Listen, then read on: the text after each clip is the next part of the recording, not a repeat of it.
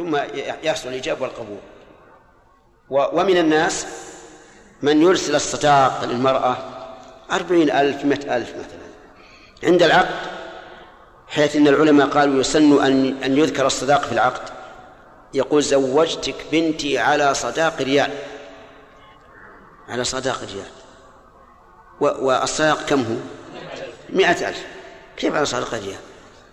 قال على صداق ريال. الآن هذا لو لو اعتبرنا ظاهر اللفظ لقلنا لو زو لو لو طلق قبل الدخول وش يجب عليه؟ نصف ريال. نصف ريال يعطيها الزوجة والباقي يرده لنفس البيت. لذلك هذه غلط. وأول من نبه عليه فيما أعلم الشيخ عبد الرحمن السعدي رحمه الله. قال هذا غلط ما هو صحيح. المهر ما ما وصل إلى المرأة هو الذي وصل إلى المرأة في ليلة من الليالي قبل أن تظهر يعني الأنظمة وأن المأذون لابد يكون ورقة رسمية عقدت لأناس قال زوجتك بنتي على صداق ريال زوجتك بنتي على صداق ريال قلت هذا يا أخي ما ما أصلح هذا مو بصحيح. شيخنا عبد الرحمن يقول ما يصلح. قال لا على صدق ريال والله ما أخذت منه إلا ريال. وش تقولون هذا؟ أقول هذا دعوت الله له هذه إن شاء الله من بركة النكاح. والباقي جهز هو بنت ابنته والزوج بريال. الله يكثر من أمثاله. قلتم كلكم أمين حتى المتزوج.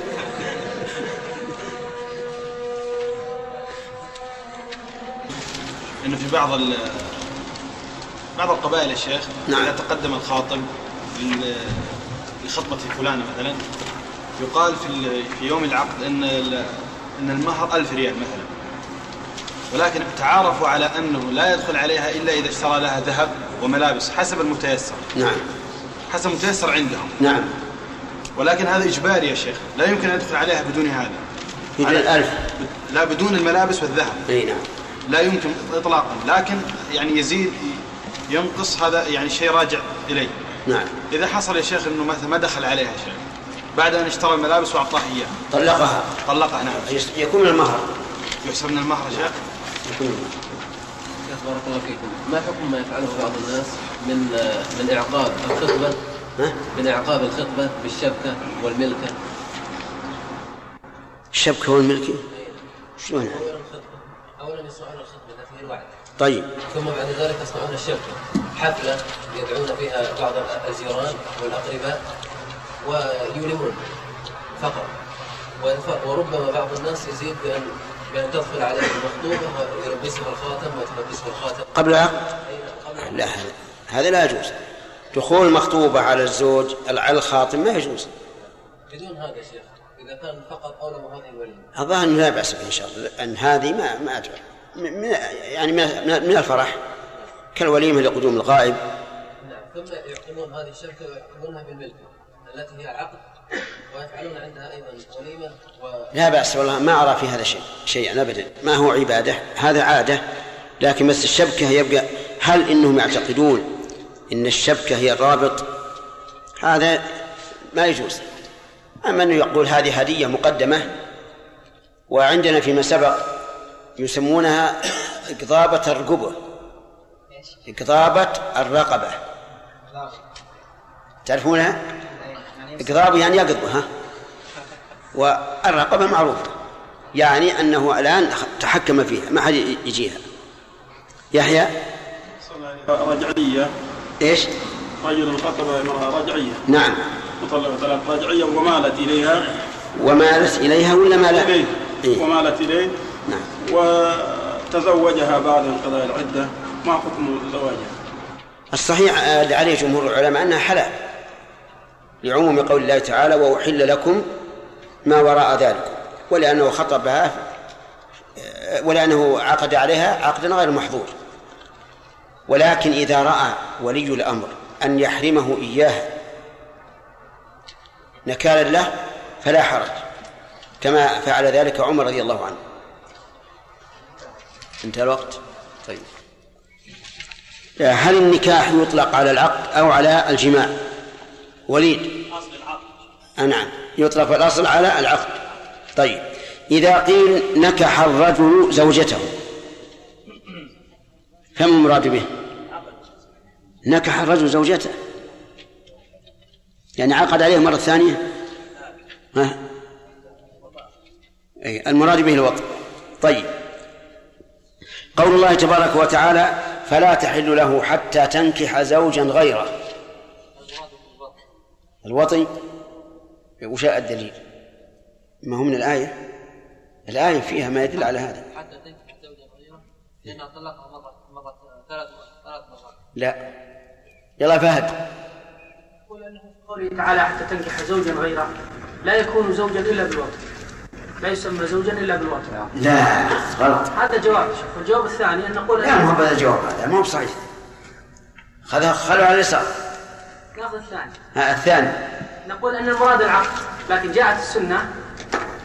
خطأ.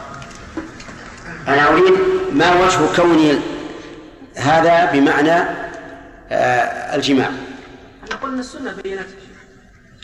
قوله زوجه قول زوجه إذا لما تقدم الزوج الزوجية على النكاح صار المراد دل على أن المراد بذلك الوطن. وجاءت السنة مؤيدة لذلك. طيب. أيما أفضل رجل له شهوة. هل الأفضل أن يتهجد أو أن يأتي أحياء الأفضل أن يأتي أهله. الأفضل أن يأتي أهله. طيب. لماذا كان هذا أفضل من التهجد؟ لأنه إذا تهجد وهو محتاج إلى أهله يعني يكون مشغولا كالذي يصلي ويحتاج إلى الطعام. يحتاج الطعام. يعني وأيضا مصلحة النكاح تتعلق بغيره. ومصلحة التهجد خاصة به. طيب. متى يكون النكاح واجبا؟ يكون واجبا إذا كان عنده شهوة في بلد يتيسر فيها الزنا. يعني إذا خاف على نفسه الزنا. نعم. إذا خاف على نفسه الزنا صار واجب. واجبا في حقه. لماذا خاطب النبي صلى الله عليه وعلى آله وسلم الشباب في قوله يا معشر الشباب دون الشيوخ يا رفيد الشباب لأن الشباب شهوة الشباب أكثر من الشيوخ. نعم لأن الشهوة فيهم أكثر. أكثر. ولأنهم إلى الميل أقرب من من الشيوخ. تمام. هل يؤخذ من هذا الحديث أن النبي صلى الله عليه وسلم قد يأتي بالخطاب مناسبا لمن يوجه إليه؟ نعم. مناسبا له ولكن قد يشمل الخطاب غيره لمن اتصل بهذا الوصف. فالشيوخ لو يحتاج النكاح إلا يدخل يدخلون والله ما تجي أبو 80 سنة تخلي الشاب لا يحتاج إلى النكاح إيه بس ما هو صالح. لو احتاج. لو كان الشهوة ما تكون مثل شهوة الشباب. أنت خليك على الأول قل إن خطابات النبي صلى الله عليه وسلم أحيانا توجه إلى من؟ من هم بها أليق واضح؟ طيب. وهذا من من من بلاغته لأن مطابقة الكلام لمقتضى الحال هو البلاغة في الحقيقة. نعم. رجل أتى إلى معتدة رجعية وخطبه. جزاء. لا يجوز له التصريح ولا لا يعرض. ما خطب صريح. عرض له وأنا ارغب مثلك لا يجوز له لا تصريح ولا تعريف أنا ما سألتك تصريح تعليق أسألك رجل جاء إلى معتدة رجعية فجعل يعرض عنده ويقول الله يقضي العدة بسرعة أنا أرغب في مثلك. لا يجوز له ذلك. لا يجوز؟ لا يجوز. لماذا؟ لأن الرجعية في حكم الزوجات. أحسنت تمام. لأن الرجعية في حكم الزوجات وهذا يعني يخببها على زوجها. طيب.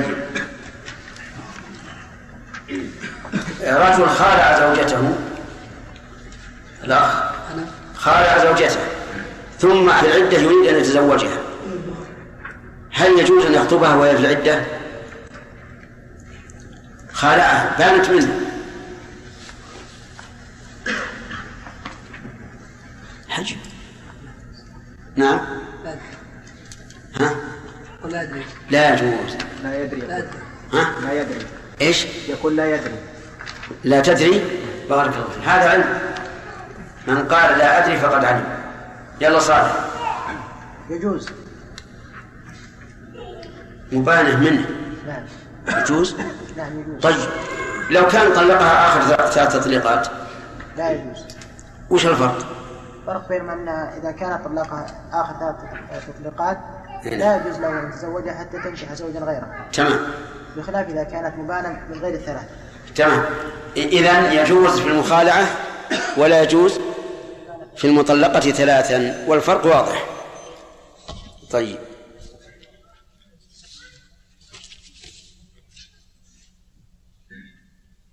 طيب عبر المؤلف رحمه الله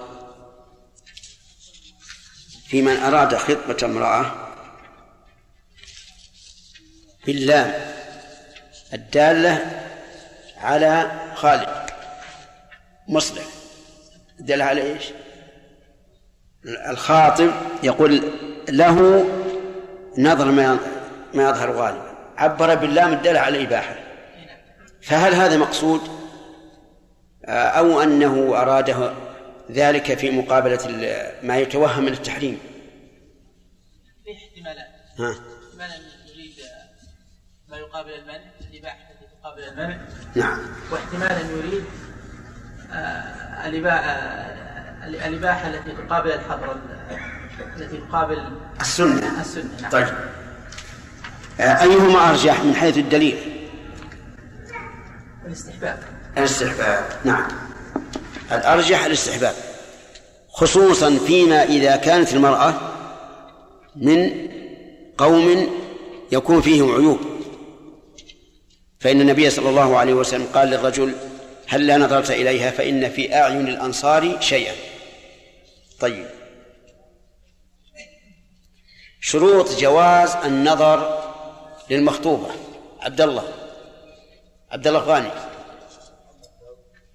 ها؟ الليلة أنت محمد داود ها ولا من الأصل؟ من الأصل؟ محمد. طيب.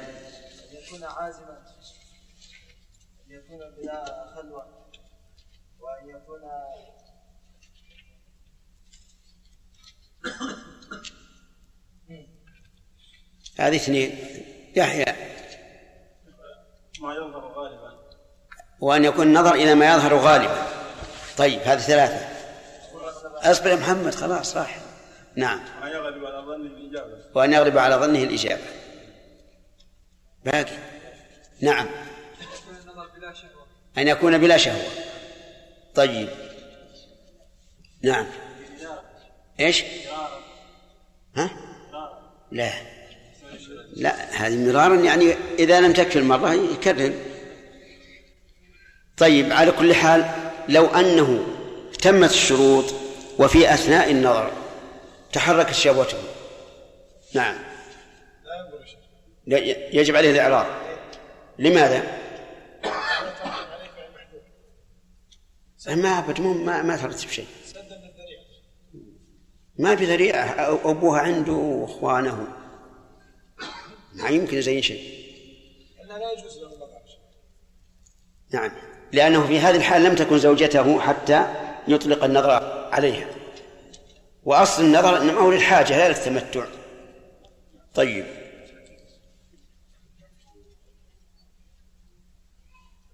إيه، متى تجوز الخطبة على خطبة السابق؟ فجر. نعم. أو أذن. للثاني على كلام المؤلف. وعلى قول الراجح. تمام. إذا رد أو أذن الخاطب الأول فإنه تجوز الخطبة. أما إذا جهل الحال فالصواب أنه لا يجوز لاحتمال أنهم قد ركنوا إلى هذا الخاطب ثم لما خطب الجديد عدلوا طيب ما تقول في خطبة المرأة على خطبة أختها؟ خالد. خطبة المرأة على خطبة أختها. ما يمكن تحصل يا شيخ ها؟ يقول ما يمكن. ما يمكن. نعم. ما يجوز لقوله تعالى وأن تجمع بين أختين. لا يا أخي. صحيح. لا أختها في الدين ما في النسب. لا يجوز. لا يجوز؟ نعم. خطبة المرأة. الشروط إذا يعني أذنت. خلي يعني لا يجوز إلا حيث جاز للرجل. نعم. طيب. لماذا؟ ما هو الدليل أو التعليل؟ الدليل هو حديث لا يخطب الرجل خطبة أخيه. حتى يذهب. على خطبة أخيه. نعم. بس هذه مية هذه خطبة على خطبة اختها نعم لكن الأصل في الأدلة أن ما خطب به الرجال خطب به النساء إلا بدليل. في في كيفية استدلال المرأة نعم. يجوز يا شيخ. يجوز. لأنه يجوز أن يجمع الاثنتين في في مل- يعني في عقد. لا تدري شلون خطبة على خطبة أختها. نعم. سمعت أن امرأة خطبت الرجل وهذا يمكن. يمكن المرأة تخطب الرجل. ألا يمكن؟ فذهبت هي إلى الرجل وقالت أعرض عليك نفسي يأخذ الثنتين يا شيخ. هذا جيد. هذا حل جيد. ياخذ ثنتين لكن صار ما في واحدة. حديث حديث فيصل. لا يجوز لها ان تفعل ذلك. لماذا؟ لقوله صلى الله عليه وسلم لا لا يخطب عليك من خطبة أخيك. وجه الاستدلال عموم العلة. صح أن العلة تعمم الحكم كما أي نعم. لا يجوز للحديث لا يخطب أحد الرجل على خطبة أخيه لأن العلة موجودة. وإن كان هذه يعني أضعف لأنه كما قال الأخ إبراهيم يمكن أن يجمع بين الثنتين. لكن لا شك أن فتوان نعم. وهي حيث قالت بينما حديثان أنك تريد أن آه، تنكح آه، آه، بنت آه، أبي سلام. فقال بنت آه، ام آه، أم سلام. فقال فقال فقلت نعم. يعني حيث أنها عرضت عليها أختها. لا لا ما أسأل عن العرض ما في إشكال. هذا عمر عنه عرض بنته حفصة على أبي بكر وعلى عثمان. لا مو هذا قصدي. قصدي رجل مثلا مرغوب عند النساء. وتقدمت إليه امرأة تخطبه لنفسه فجاءت أنثى أخرى تخطبه لنفسه هذه المسألة طيب ما هي. ما هي خطبة ابن مسعود؟ نحمده ونستعينه ونعوذ بالله من شرور انفسنا ومن سيئات اعمالنا من يهده الله نحمده ونستعينه ونستغفره ونعوذ بالله من شرور انفسنا وسيئات اعمالنا واشهد ان لا اله الا الله وحده من يهدي الله فلا مضل له ومن يضلل فلا هادي له. وأشهد أن لا إله إلا الله محمد رسول الله. سمعت الايات الثلاث يا يا يا أيها الذين آمنوا اتقوا الله حق تقاته ولا تموتن الا وأنتم مسلمون. وآية النساء. يا يا أيها الناس اتقوا. ربكم. الذي خلقكم من نفس واحدة. الآية والثالثة. ثالثا تعالى أيها الذين اتقوا الله وقولوا قولا سديدا. نعم. يصلح لكم أعمالكم ويغفر لكم ذنوبكم. بارك الله فيك. طيب هذه هذه علمها النبي صلى الله عليه وسلم أصحابه في مقدمة كل حاجة يعني حاجة مهمة. ما هو أي حاجة؟ يعني لا يمكن إذا وقفت عند عند عند الخباز تشتري من الخبز تخطب عليه الخطبة هذه. الخطبة ما, ما ليس هذا. لكن مراد النبي صلى الله عليه وسلم الخطبة في أشياء مهمة. وهذه نظير آه، صلاة الاستخارة.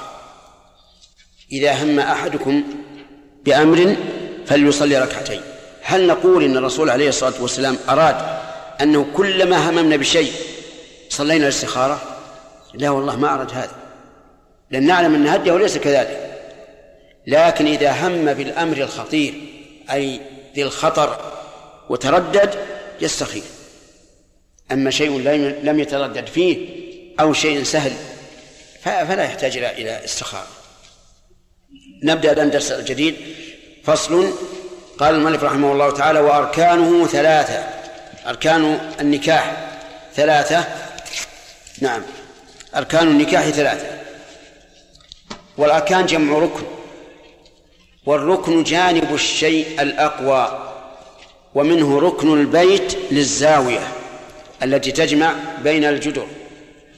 فإن هذه الزاوية أقوى شيء في البيت.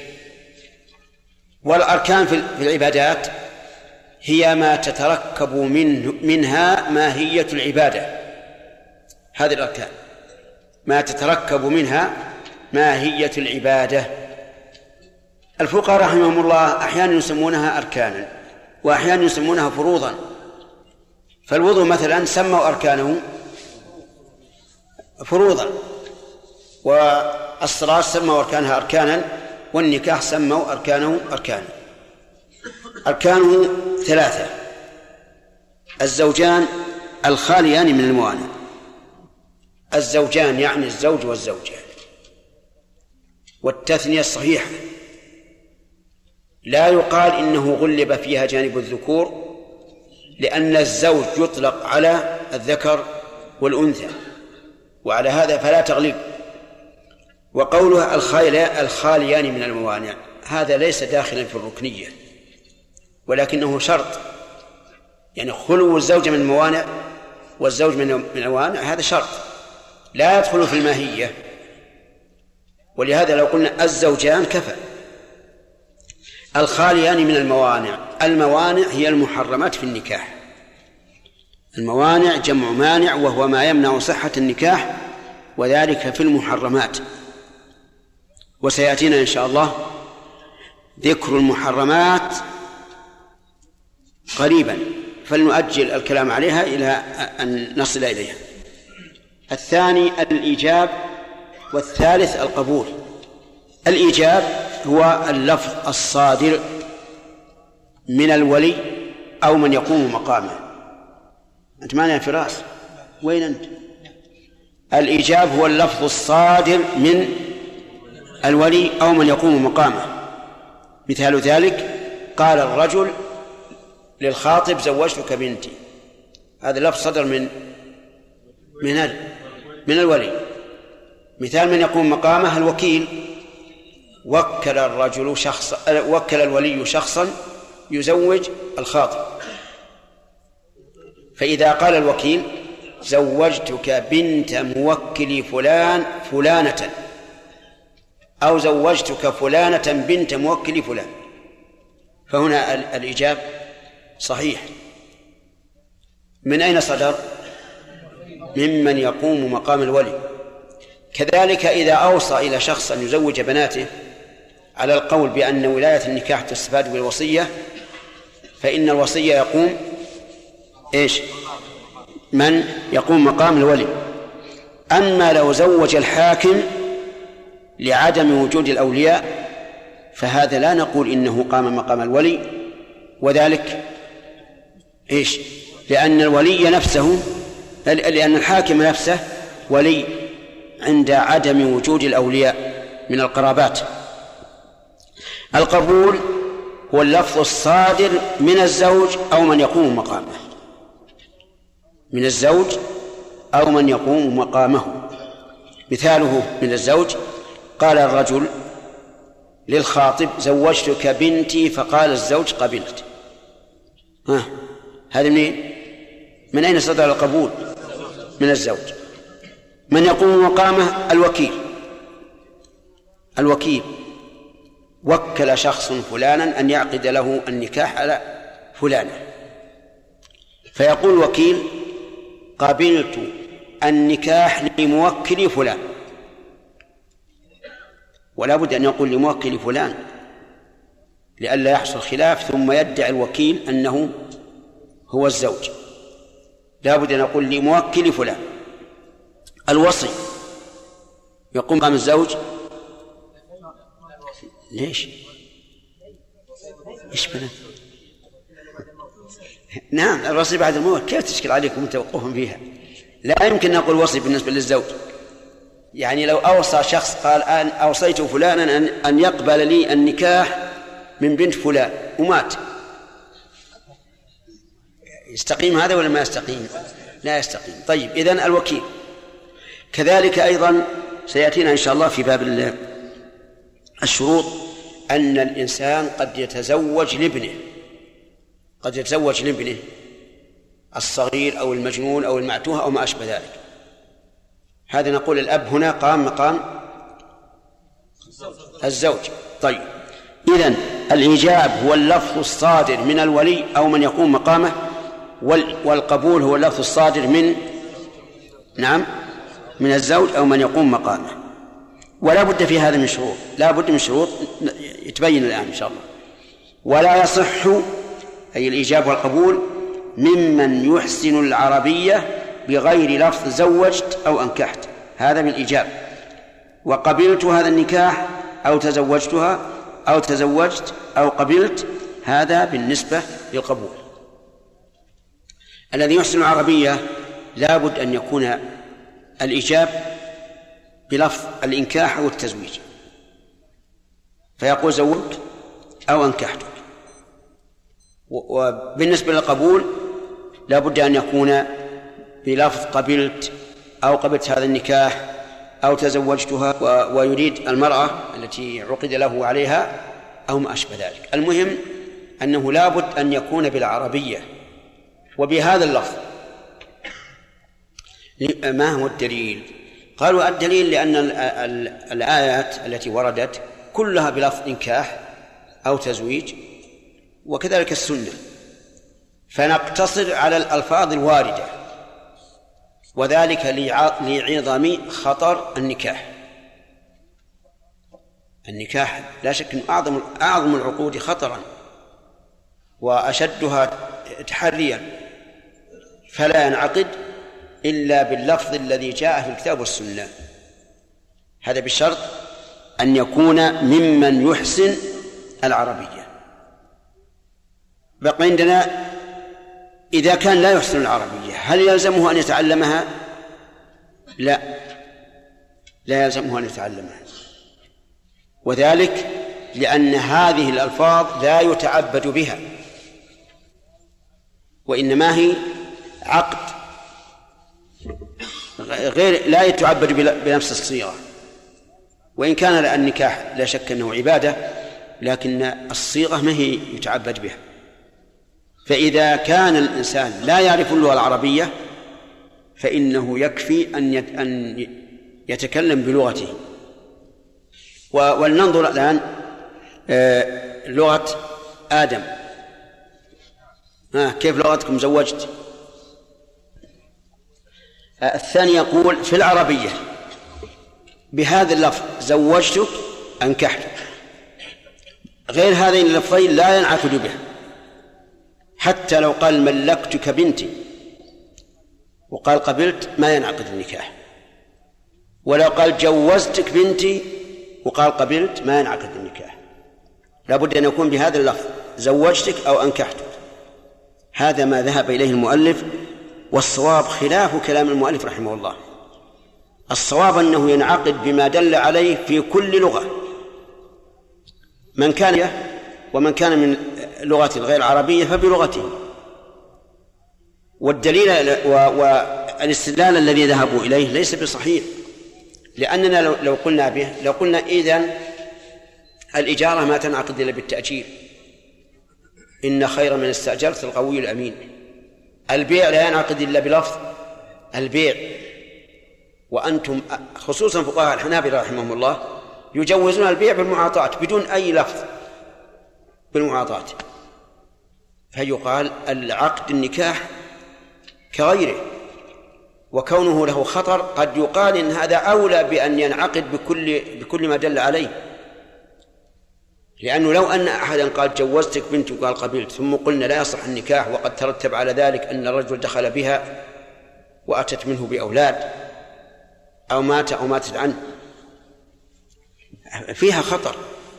فكونه يقول لا ينعقد مع العلم بأن الطرفين الولي والزوج كلاهما يعلم أن هذا هو المعنى وهذا المراد.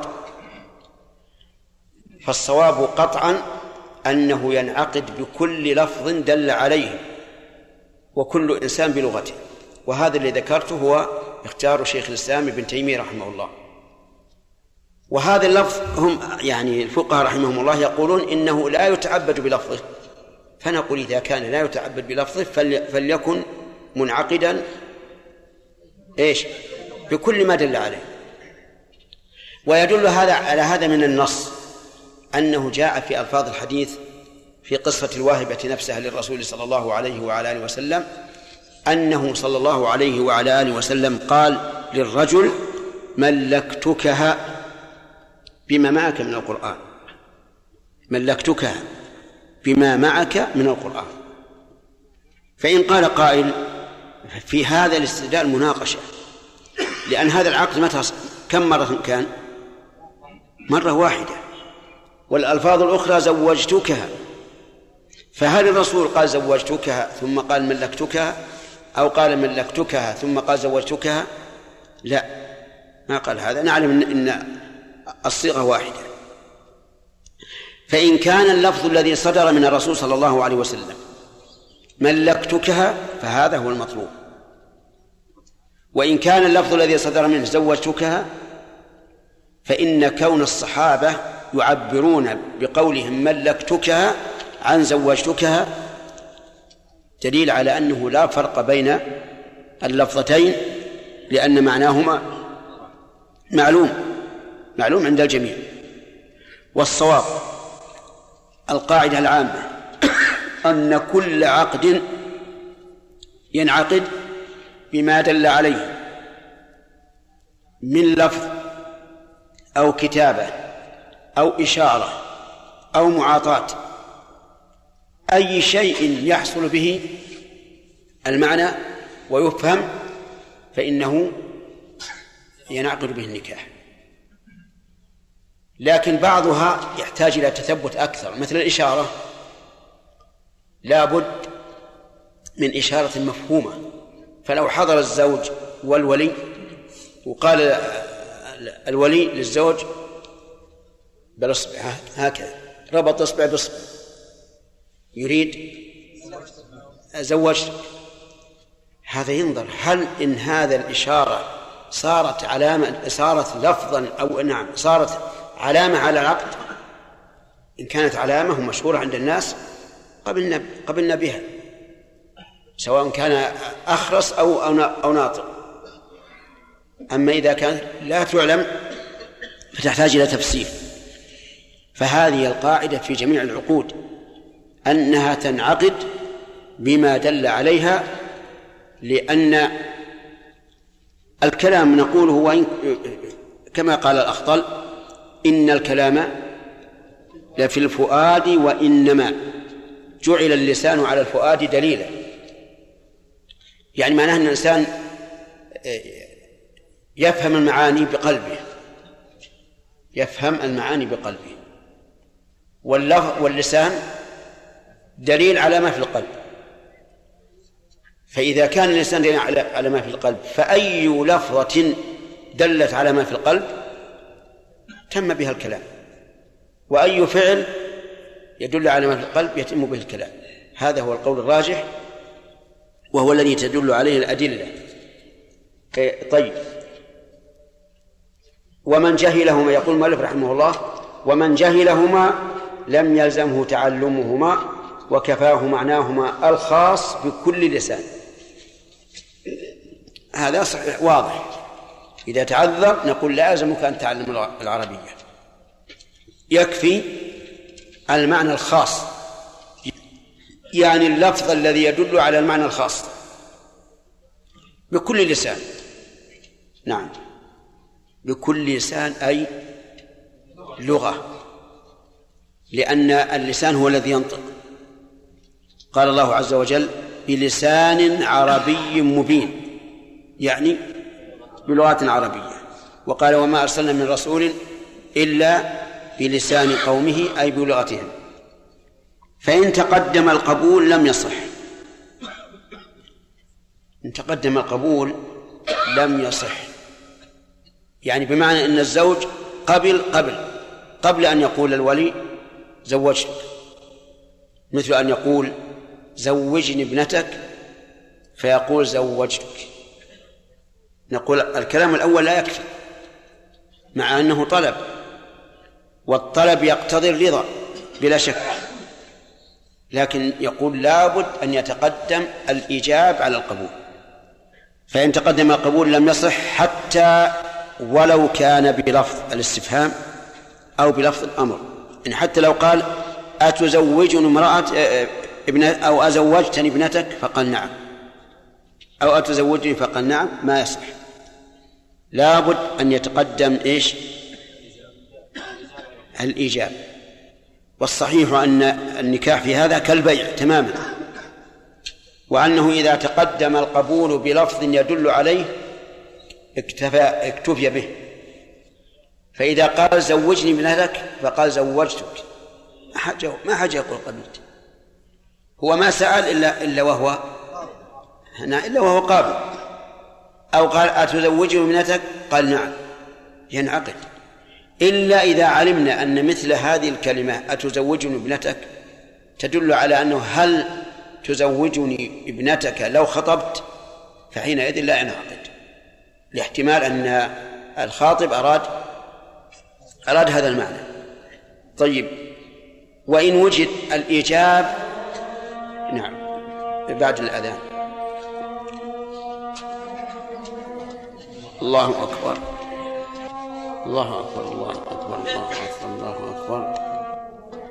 الله أكبر. ويدل على جواز تقدم القبول على الإيجاب.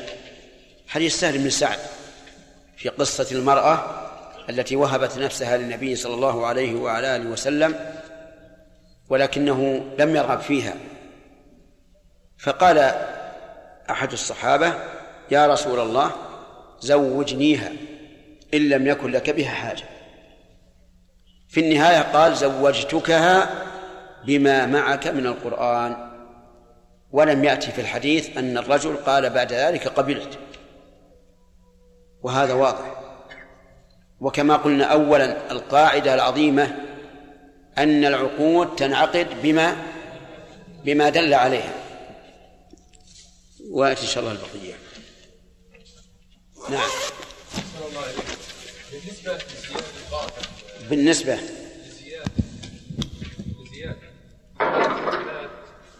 نعم. زيادة بعض الكلمات في مسألة الإجابة والقبول. نعم. الكلمات أصلا يعني قد تكون يعني منكرة. مثل إيش؟ يعني مثلا كان يقول منتشرة في بعض البلدان قد يقول زوجتك على مذهب الإمام أبي حنيفة أو مذهب كذا. ما يجوز هذا موجود يا شيخ وسائل لا لا. يجب عليكم أنتم العلم تبينون ان هذا لا يجوز. إذا كان إذا كان ولا بد فليقل زوجتك على سنة الله ورسوله. إذا الله المستعان. أنا أعلمك بالذي ينبغي. هذا إذا كان ولا بد ولا يكفي أن يقول زوجتك ويقول قبلت. فهمت؟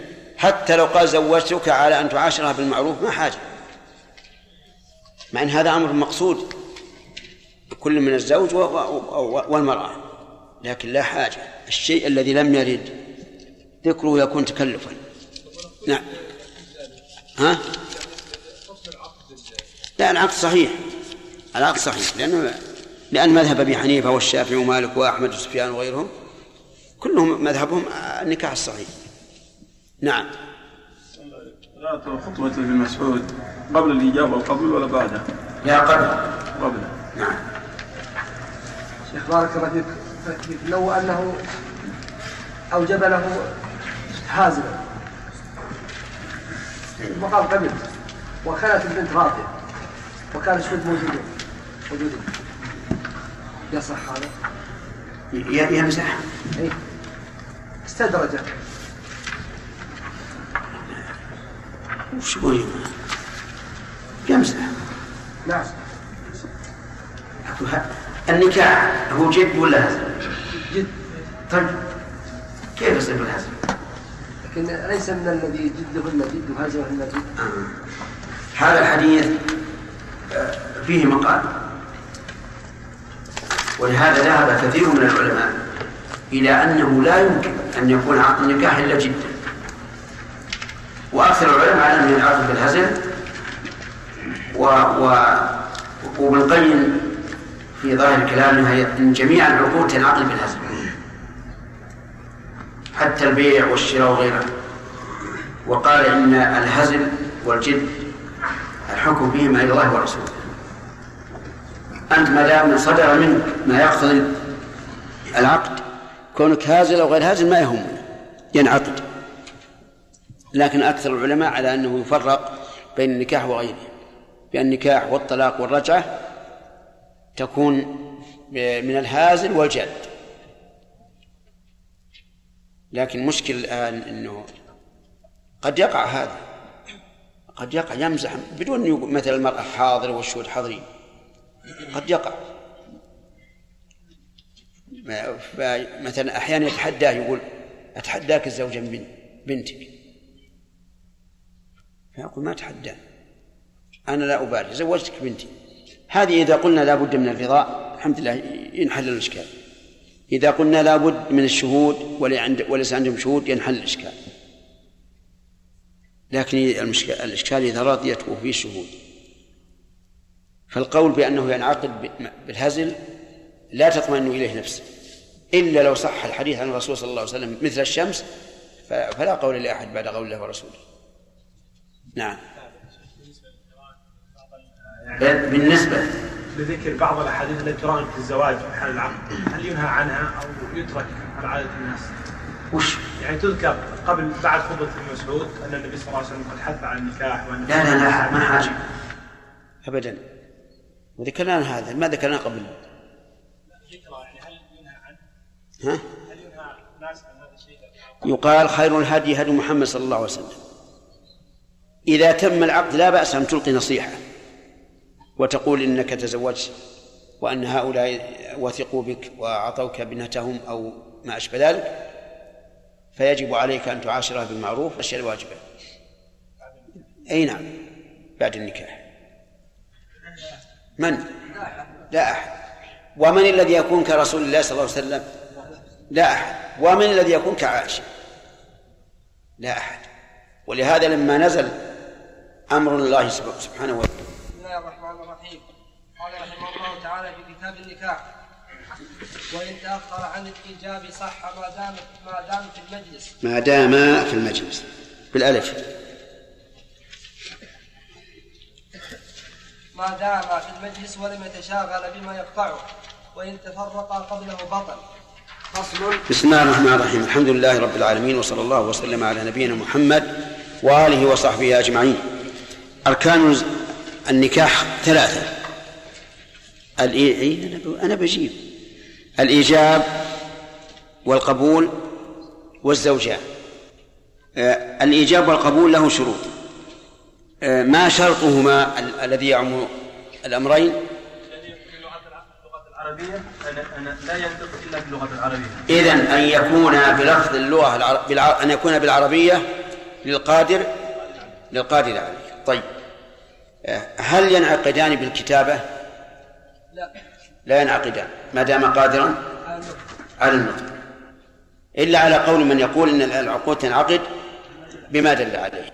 طيب. يستثنى من اشتراط أن يكون باللغة العربية آه، شيء.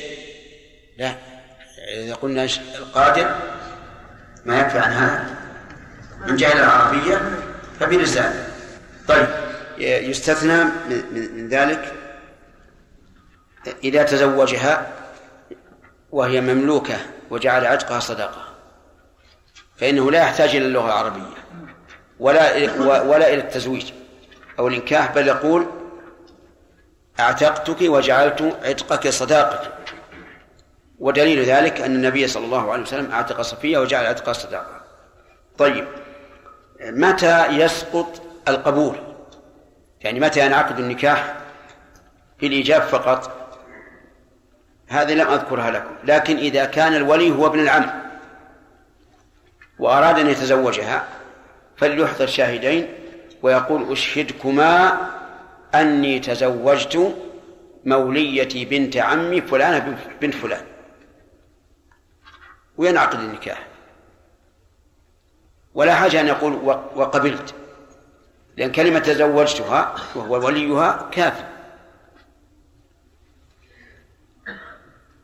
ثم قال المؤلف رحمه الله درس الليلة فإن تقدم القبول لم يصح.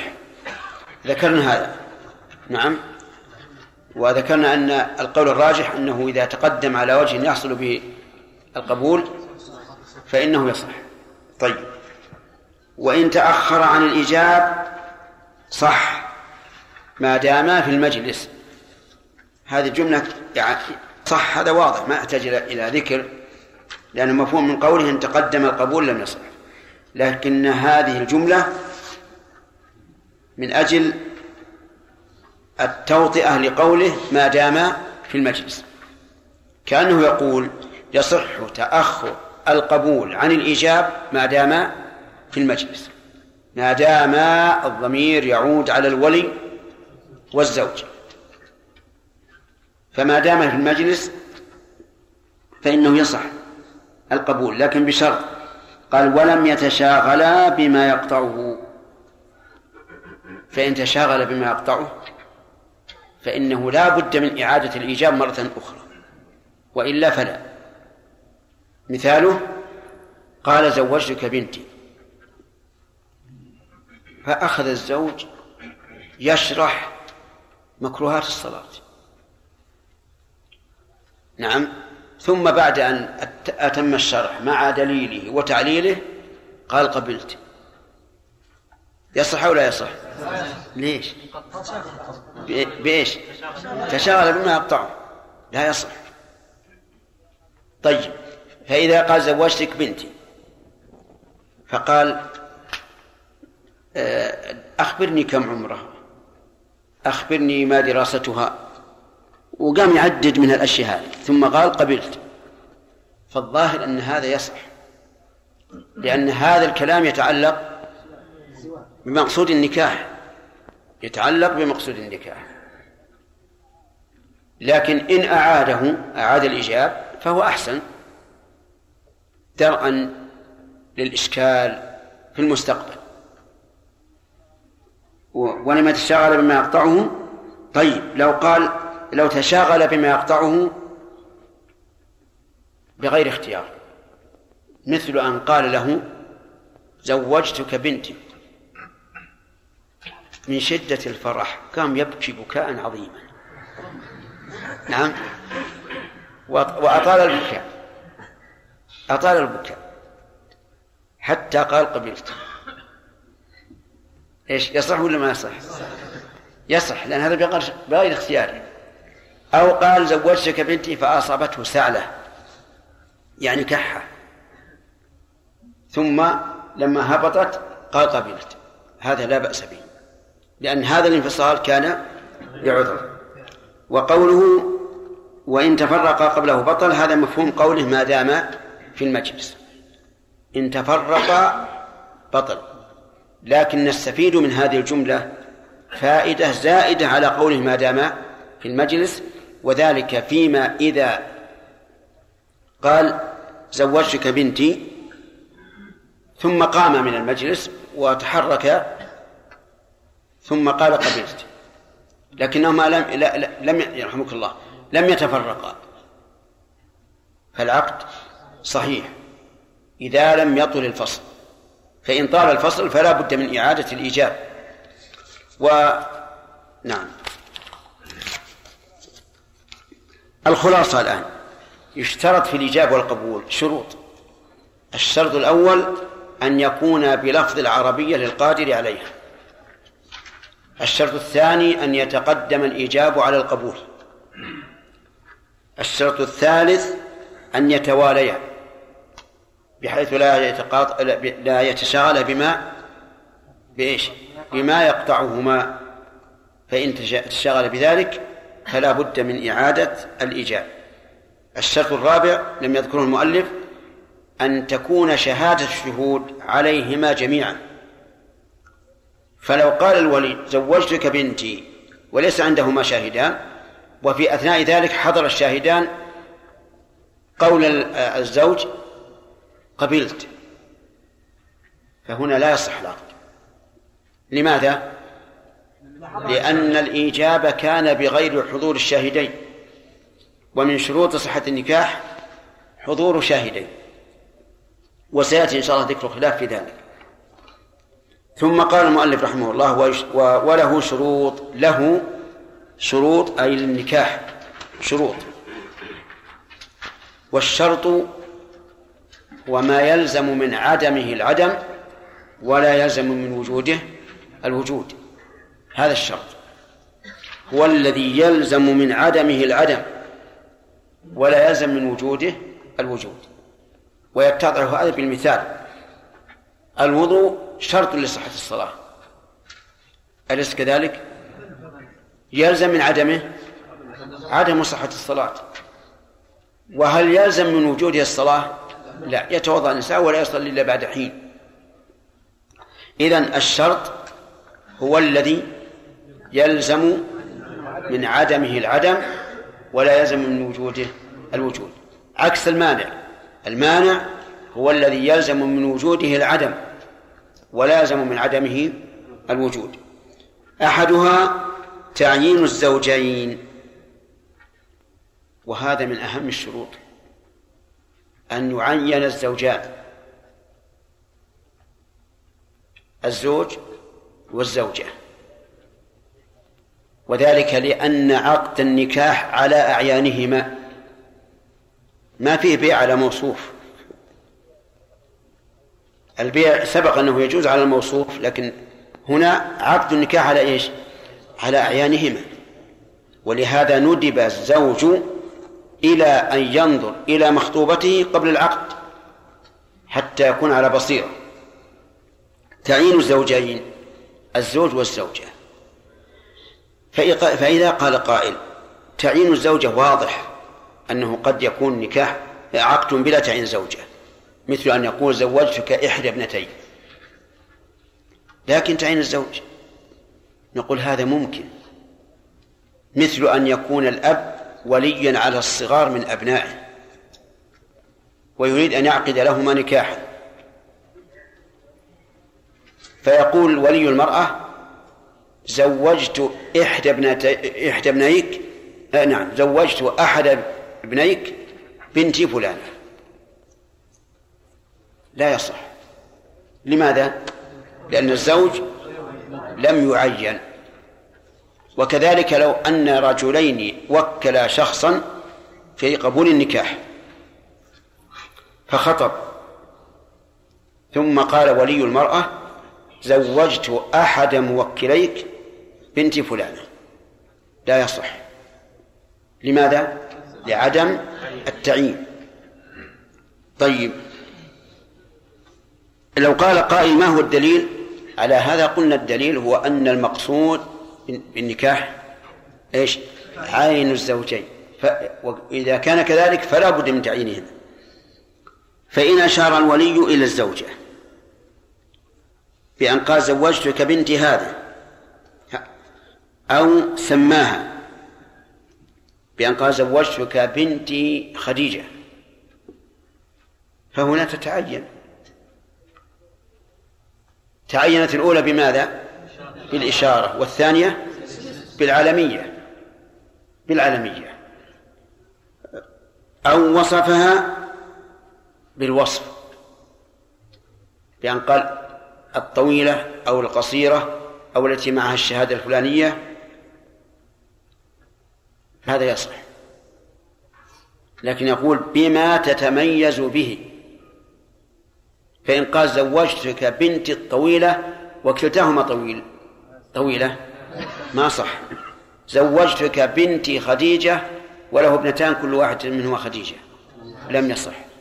لابد أن تكون معينة بما تتميز به. فإن قال قائل ما الجواب عن قول صاحب مدين لموسى عليه الصلاة والسلام إني أريد أن أنكحك إحدى ابنتين فالجواب أن هذا ليس بعقد.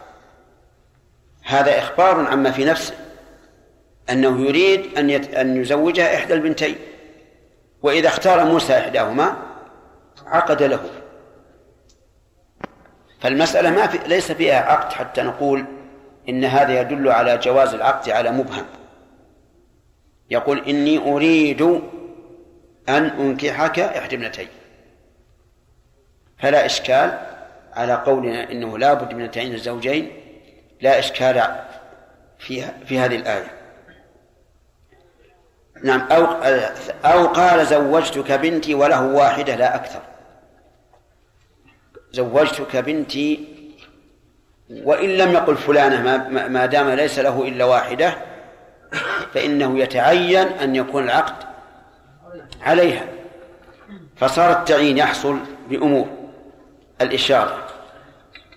التسمية بما تتميز به احترازا مما لو كان له ابنتان اسمهما واحد. الوصف بما تتميز به. آه الرابع إيه؟ أن لا يكون للولي مولية أخرى. بأن لا يكون له إلا بنت واحدة. فيقول زوجتك بنتي ويقول قبلت. فصل الثاني رضاهما.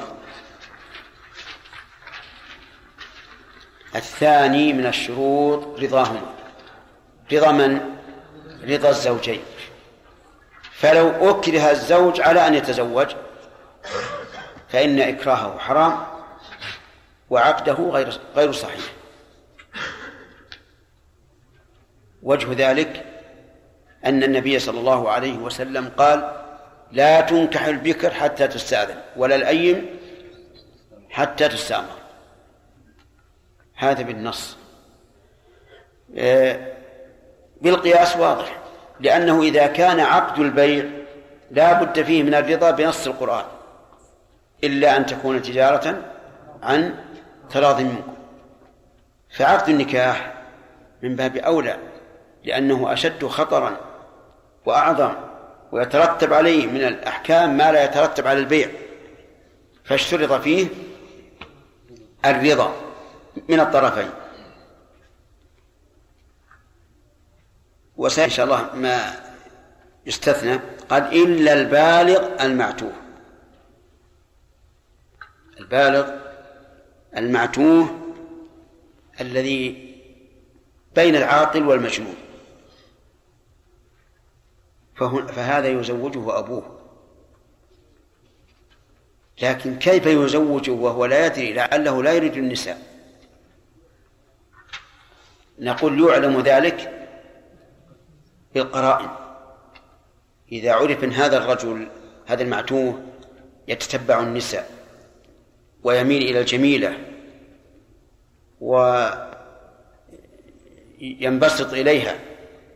علمنا أنه يريد النكاح فيزوجه أبوه وإن كان لم يرضى لأنه حتى يرضى أو لا يرضى. طيب والمجنون؟ المجنون أيضا من باب أولى. المجنون من باب أولى أن أباه يزوجه. يقول والمجنونة. المجنونة أيضا لا يعتبر رضاه لأنه ليس لها قصد.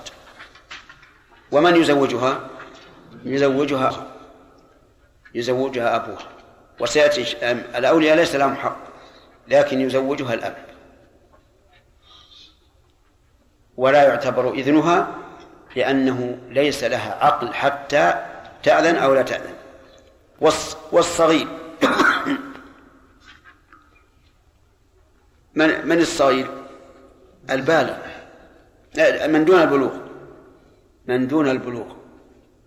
يزوجه أبوه.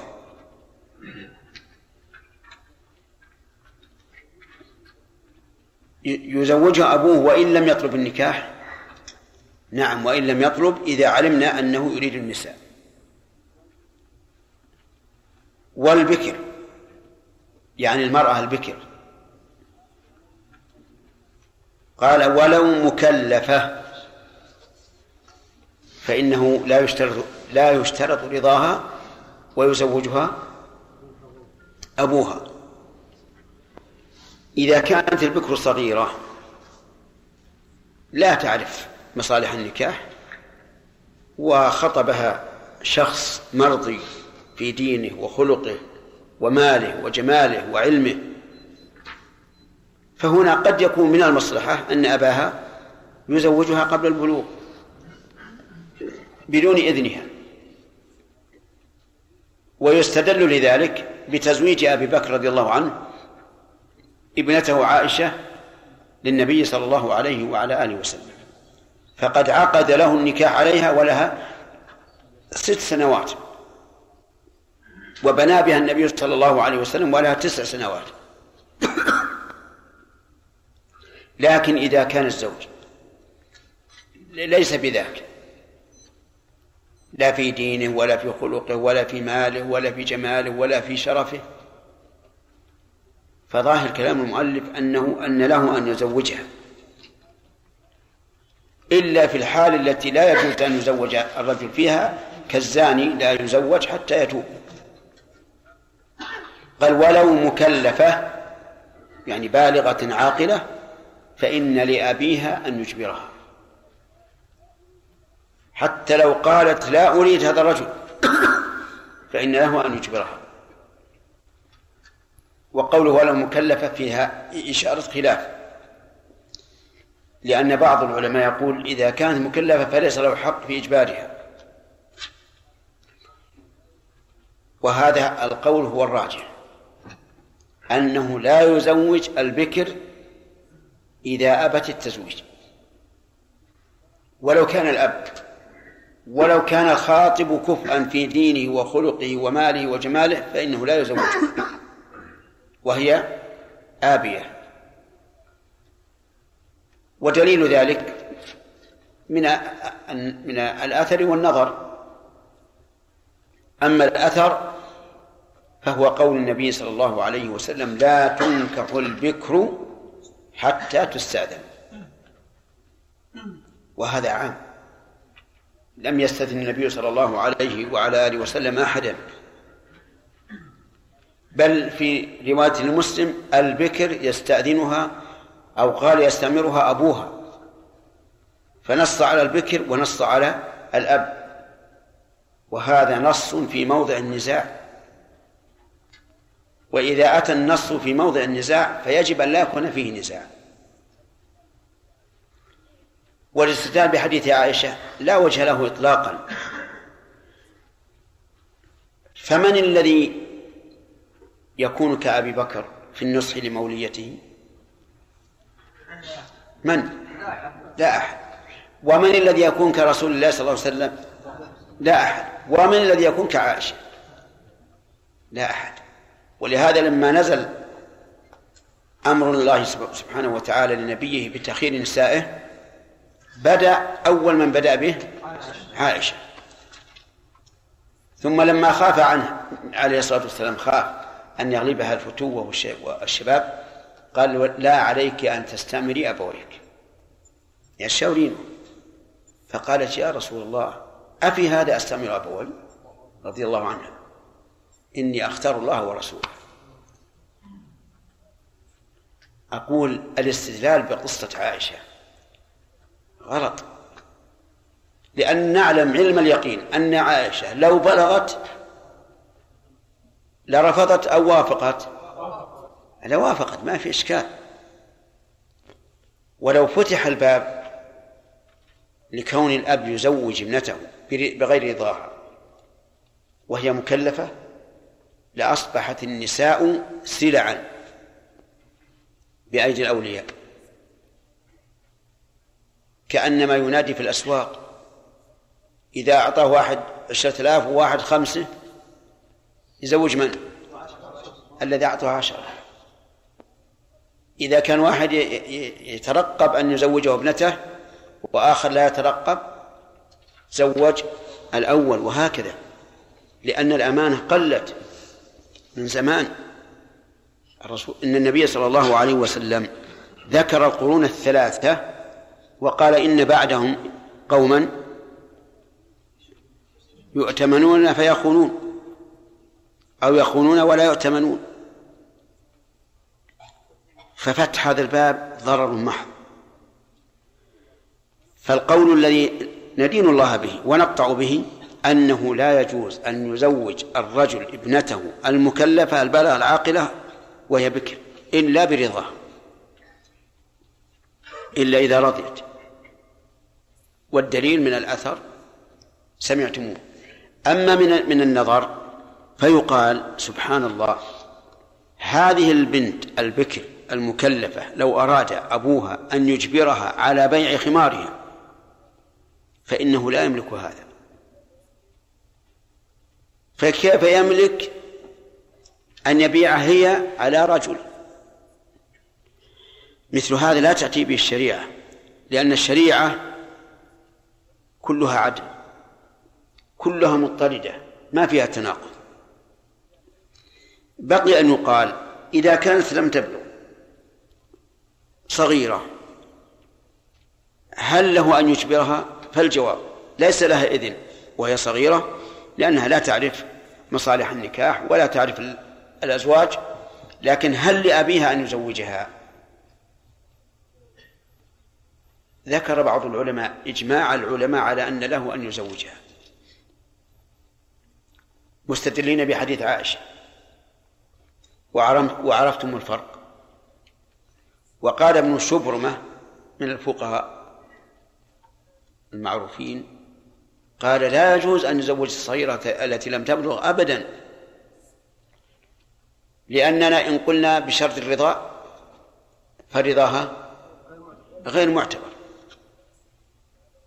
ولا نقول بالإجبار في البالغة فهذه من باب أولى. وهذا القول هو الصواب. أن الأب لا يزوج بنته حتى تبلغ وإذا بلغت فلا يزوجها حتى حتى ترضى. طيب يقول لا الثيب الثيب لا تجبر.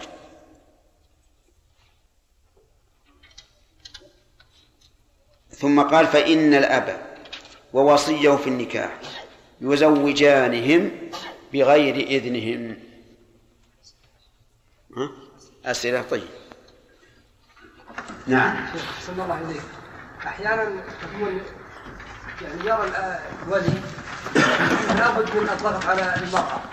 نعم. لأنه يقول هذا رجل كفر. نعم. ولو تركته الآن يعني قل أن يأتي كفر آخر. نعم. ثم قيل مثلا خلها إذا ما إذا لم يأتي كفر أو من تختاره هي فلا تزوج.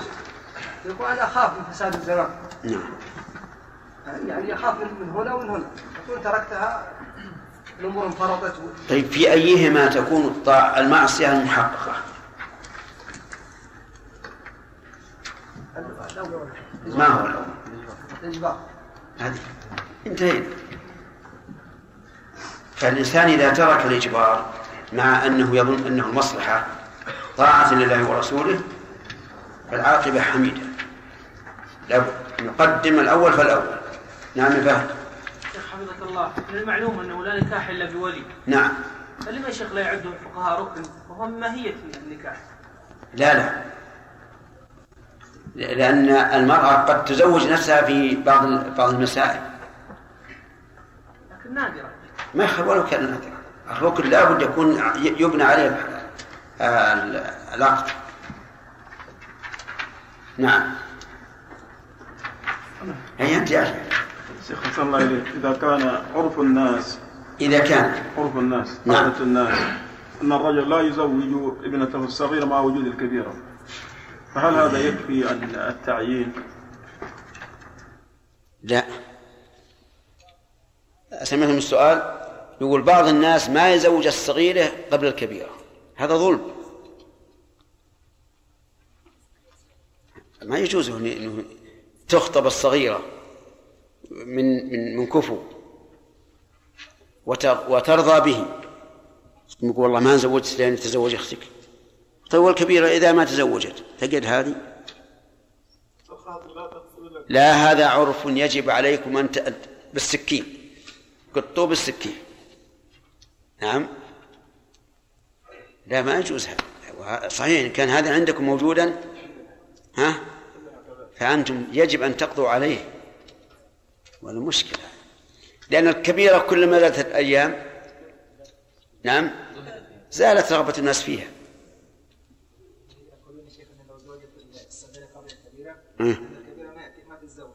ما هو صحيح ولو قالوا. الأمر الواقع خلاف هذا. نعم. لا قول الله تعالى في العدة واللائي لم يحض بجواز تزويج تزويج الصغيرة. كيف؟ الله تعالى في المعتدات. نعم. قال واللائي لم يحضن نعم. أليس المراد بها الصغيرة؟ بلى. اللي ما, جاء الحيض. أليس فيها دليل على أنه يجوز تزويجها؟ الآن إيش؟ يجوز تزويج الصغيرة؟ هو يلزم من عدم الحيض أن تكون صغيرة ما هو الأصل الأصل السن هو المتأكد المؤكد ولا الحيض والعانة تمام 15 سنة هو المؤكد أفهمت؟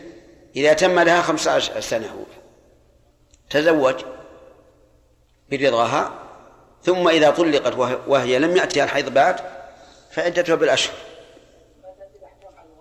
نعم؟ لا لا ما هو صحيح. الأحكام تأتي على الواقع. نعم. ها؟ إيه؟ الاستئمار أوسع. الاستئذان يكفي أن يقول يا فلان أنا زوجك فلان تسكت أو تنطق. والاستئمار مشاورة. الاستئمار مشاورة وأخذ أمر. ولهذا كان قول الظاهرية رحمهم الله إنه إذا استأذن البكر قال فلان خطبك أتريدين أن نزوجك منه؟ قالت نعم من يحصل مثل هذا الرجل؟ هذا الرجل الطيب الدين العالم الغني الشاب الجميل. من يحصل ذا إلا قدرها الليلة قبل قبل الزابنة يقولون ليس هذا بإذن ما يزوجها. حتى إيش؟ حتى تسكت وهذا هو اللائق بظاهريتهم رحمهم الله. نعم جمال شيخ إذا أخر الأب زواج إذا أخر الأب زواج ابنته الصغرى مراعاة للمشاعر الكبرى لأنه يحصل يا شيخ أحيانا الآباء يعني يكون تكون البنت الصغرى يعني فيها مرغبات أكثر من الكبرى. نعم. فيزوج الصغرى. نعم. فيقع في نفس الكبرى يعني أمور يعني من من يعني الهم والحزن ومشاعرها تتحطم شيخ. نعم. فتكون في أخرى صغرى فيتقدم الناس اليه فيقول لا أريد أن أعيد الكرة مرة أخرى. لا أزوجها حتى تتزوج الكبرى. أبد ما يجوز. كل بيده رزق نعم. بعض الناس يعتبر كفاءة النسب. حتى وجدنا بعض أهل الفضل. بعض الناس يعتبر؟ كفاءة النسب. ها؟ النسب يا شيخ. كفاءة النسب. ما وصلنا؟ نعم يا سليم. الله عنك يا شيخ. مصالح الزوجية يا شيخ. بين الزوجين. ترتب على وقت على على على احتواء النفس يا شيخ. ان احد ان لما تخالفت تخالفت الاحتوايات بين بين الشخصين إن كان غني وإن كان وإن كان أمير وإن كان ضعيف وإن كان قوي ما ما, ما يدخل يا شيخ المصلحه لا لا مو مصلحة مصلحة النكاح يعني مصلحة أو عدم مصلحة النكاح يعني ما يترتب على النكاح عموما. وهو معناها مصلحة النكاح في هذه المرة خاصة مع زوجها الخاص. لا مصلحة النكاح وأن في مثلا تحصين الفرج تحصيل الأولاد القيام بالنفقة وما أشبه ذلك. لكن يا شيخ إذا صارت هالمرة ما تقبل الشخص هذا؟ نعم. هذا ما هو من المصلحة إنها تجبر عليه. إيه لا مو من المصلحة ما في شك. أي أحسنت. يوم وزرعة ها؟ ذكرنا أن من المرغبات في الزوج أن يكون صاحب دين ومال وجمال أي نعم. فإذا تقدم رجل دين لكنه ليس ليس ليس بذي مال. ليس إيش؟ ليس مال بص- بصاحب إيمان؟ آه. بصاحب مال. فلها أن ترد لا الولي. يا شيخ قبل أن يعرضها على الذنب. نعم. هل الولي أرده؟ والله الظاهر له ذلك. لأن النبي صلى الله عليه وآله وسلم علل خطبة معاوية لفاطمة بنت قيس. قال صعلوك لا مال له. وهذا يدل على أن المال مقصود غرض مقصود وهو صحيح. فرق بين أن تتزوج رجلا غنيا يقوم بنفقتها الواجبة وزيادة وبين رجل فقير. إذا قال تبع غدا ولا عشاء قال والله ما عندي شيء. امشي نكس الأسواق حنويات ونزين كل شيء. ما فرق بين هذا وهذا. جمال الرجل معلوم. كما أن الرجل يريد الجمال فالمرأة تريد الج- الجمال. لكن مو معناه أنه إذا صار غير جميل ما يزوج. يزوج. نعم يا عبد الرحمن بن جمعة أحسن الله إليك. في بعض في بعض ال- المناطق أو بعض البلدان يقل فيه الملتزمين. نعم. الملتزمين قلة. نعم. وال وال والنساء ما يرغبن في الملتزمين. ما يرغبن. فك- فهل يقول سلمك الله ما هو بشرط من شرط التزويج العدالة. ما هو بشرط العدالة؟ فإذا كانت كما تقول المجتمع كله ليس بذاك الملتزم فإننا نزوج الأحسن فالأحسن.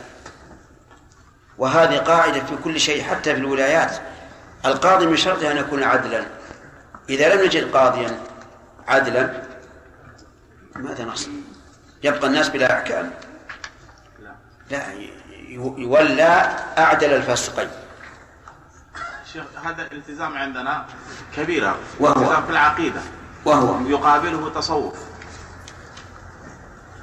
وإذا كان في عقيدته. إذا كان فيه خطر على الم- على المرأة في دينها فإنه يطلب من ليس له من ليس فيه خطر. يقرأ الفجر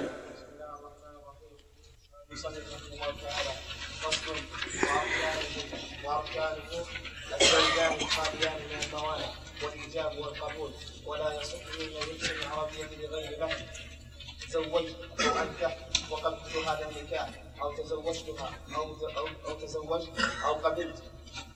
بس.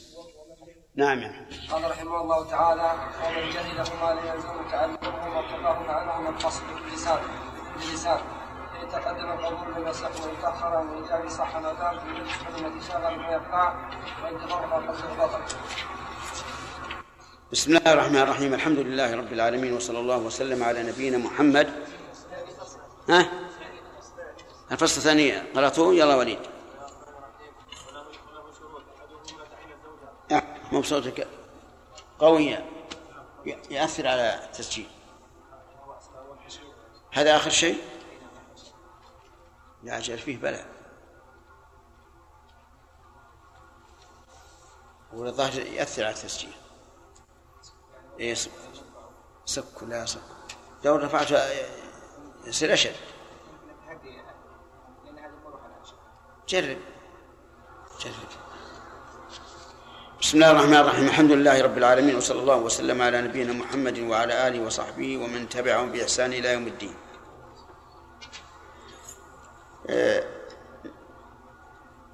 هل يجوز للأب أن يزوج ابنته بغير رضاها عقيل.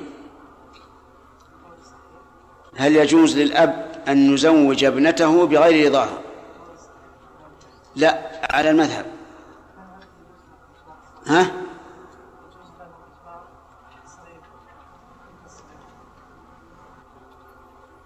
سؤال هل يجوز للأب أن يجبر ابنته على على النكاح؟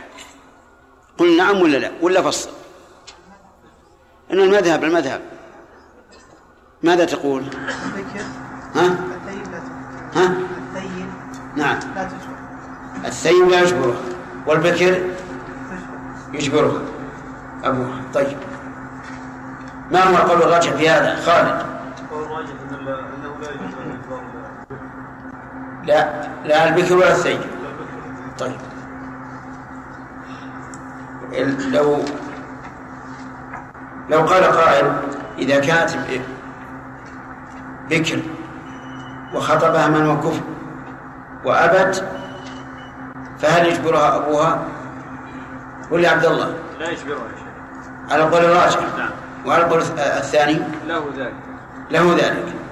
إذا قال قائل إذا كان لا يجبرها وصار كلما عرض عرض أبوها عليها رجلا قالت لا. القول الراجح ابدا ليس له ذلك. حتى في هذا الحال ربما تتأيم. يعني بمعنى أنها ربما تبقى كبيرة ويتركها الناس هذا شأنها هذا شأنه. توافقون على هذا القول الراجح؟ نعم وهو كذلك. هذا هو القول الراجح. يقول رحمه الله تعالى فإن الأب ووصيه في النكاح يزوجان بغير إذنهم قوله وصية إبراهيم. هل تستفاد ولاية النكاح في الوصية؟ نعم. على المذهب تستفاد. لا؟ طيب أجل نأخذ الآن إن شاء الله. قال قال رحمه الله تعالى الثاني رضاهما استثنى قال إلا البالغ المعتوه. البالغ يعني الرجل البالغ إذا أراد أن يتزوج وهو معتوه فإن فإن لأبيه أن يزوجه. ووصية ووصيه كذلك. الثاني طيب قوله إلا البالغ المعتوه. هل نفهم منه أن غير البالغ المعتوه لا يزوجه أبوه؟ قد نقول نعم لأن غير البالغ ليس فيه حاجة للنكاح. فلا حاجة إلى أن يزوجه نعم لو فرضنا أننا علمنا من حاله ومتابعته للنساء وتعلق قلبه بهن ووصف ووصفه لجمالهن وتجملهن علمنا بهذه القرائن أنه يريد الزواج وهو دون البلوغ. يزوج أو لا؟ نعم يزوج لأن تركه وهو معتوه مع رغبته في النساء يؤدي إلى فساد. يؤدي إلى فساد. لا سيما إذا كان جميلا تتعلق به النساء فإنه ما دام معتوها وهو شاب لكن لم يبلغ ربما تتوصل إليه المرأة التي لا تخاف الله فتطلب منه الفاحشة. ولا تستغرب هذه امرأة ملك من الملوك تعلق قلبها بخادمها. فطلبته. من هي؟ امرأة العزيز. لا تستغرب النساء ما ما ما يستغرب منهن مثل هذا. طيب إذن البالغ المعتوم. غير البالغ. فيه تفصيل. إن علمنا بقرائن الأحوال أنه يريد النساء فإن أباه يزوجه ولا بد. وإلا فلا يزوج. وقول المعتوه احترازا من البالغ العاقل. فإن أباه لا يزوجه. من يزوج البالغ العاقل؟ يزوج نفسه لأنه بالغ عاقل يخطب لنفسه ويزوج نفسه ولا إشكال في هذا. قال والمجنونة يعني المجنونة أيضا يزوجها أبوها. ولم يق... ولم يقيدها بالبلوغ ولا بالصغر لأن الأب يجبر ابنته عاقلة كانت أو مجنونة إذا لم تكن ثيبا. طيب المجنونة هل يزوجها مطلقا؟ ظاهر كلام المؤلف الإطلاق ولكن ينبغي أن يقيد بما إذا علمنا رغبتها في النكاح. وإذا لم نعلم رغبتها في النكاح صار تزويجها عبئا وربما يحصل فيه نزاع مع زوجها ومفسدة. ربما تكون في حالة جنون شديد وتقتل أولادها كما قد يقع. لكن إذا علم أنه لا بد من تزويجها بقرائن الأحوال فإنه يزوجها. والصغير قول الصغير يعني يزوجه. وسبق لنا أن في ذلك إيش؟ تفصيلا. والمراد بالصغير هنا من لم يبلغ. طيب ومن في المهد؟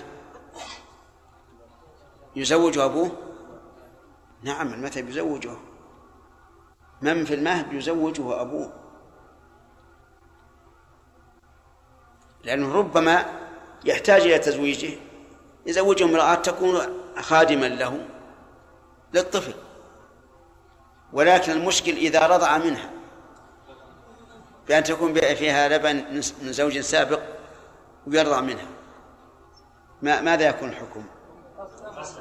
إذا رضع خمس رضعات صارت أمه وانفسخ النكاح. نعم طيب. الصغير إذن من دون البلوغ ولو طفلا فإن الأب يزوجه. والبكر يعني البنت البكر ولو مكلفة يزوجها أبوها بغير إذنها وسبق لنا الخلاف في هذا وأن القول الراجح أنه لا يزوجها حتى تبلغ وتأذن. وأوردنا على هذا القول قصة عائشة رضي الله عنها وأجبنا عنه بأنه لا قياس لأن عائشة نعلم علم اليقين أنها تختار الرسول عليه الصلاة والسلام. ونعلم أيضا أن أبا بكر أشفق من غيره على على بناته. من يأتينا مثل أبي بكر؟ ومن يأتي مثل عائشة؟ ومتى يأتي مثل الرسول صلى الله عليه وعلى آله وسلم؟ وقال لا الثيب يعني أن البنت الثيب لا يزوجها أبوها إلا برضاها لأن النبي صلى الله عليه وعلى آله وسلم قال الثيب أحق بنفسها والبكر تستأذن. فأبوها لا يجبرها. ومن هي الثيب؟ الثيب هي الذي وطئت بنكاح صحيح. هي التي وطئت بنكاح صحيح. وعلى هذا فلو وطئت بزنا فهي في حكم البكر. ولو زالت بكارتها. لأنها وطئت بإيش؟ بزنا بمحرم. وطئا محرما. والوطء المحرم لا يفيد شيئا. من عمل عملا ليس عليه أمرنا فهو رد. فلا بد أن تكون ثيبا بجماع من من نكاح. طيب. وإن كانت ثيبا بعبث بأن عبث عبثت بنفسها أو سقطت على شيء وزالت البكارة فهل يمتنع إجبارها على المذهب أو لا؟ لا يمتنع لأن الثيب كما قلنا في وصفها هي التي وطئت بنكاح صحيح. قال فإن الأب ووصيه في النكاح يزوجانه إلى آخره. فإن الأب يزوج هؤلاء بغير إذنه.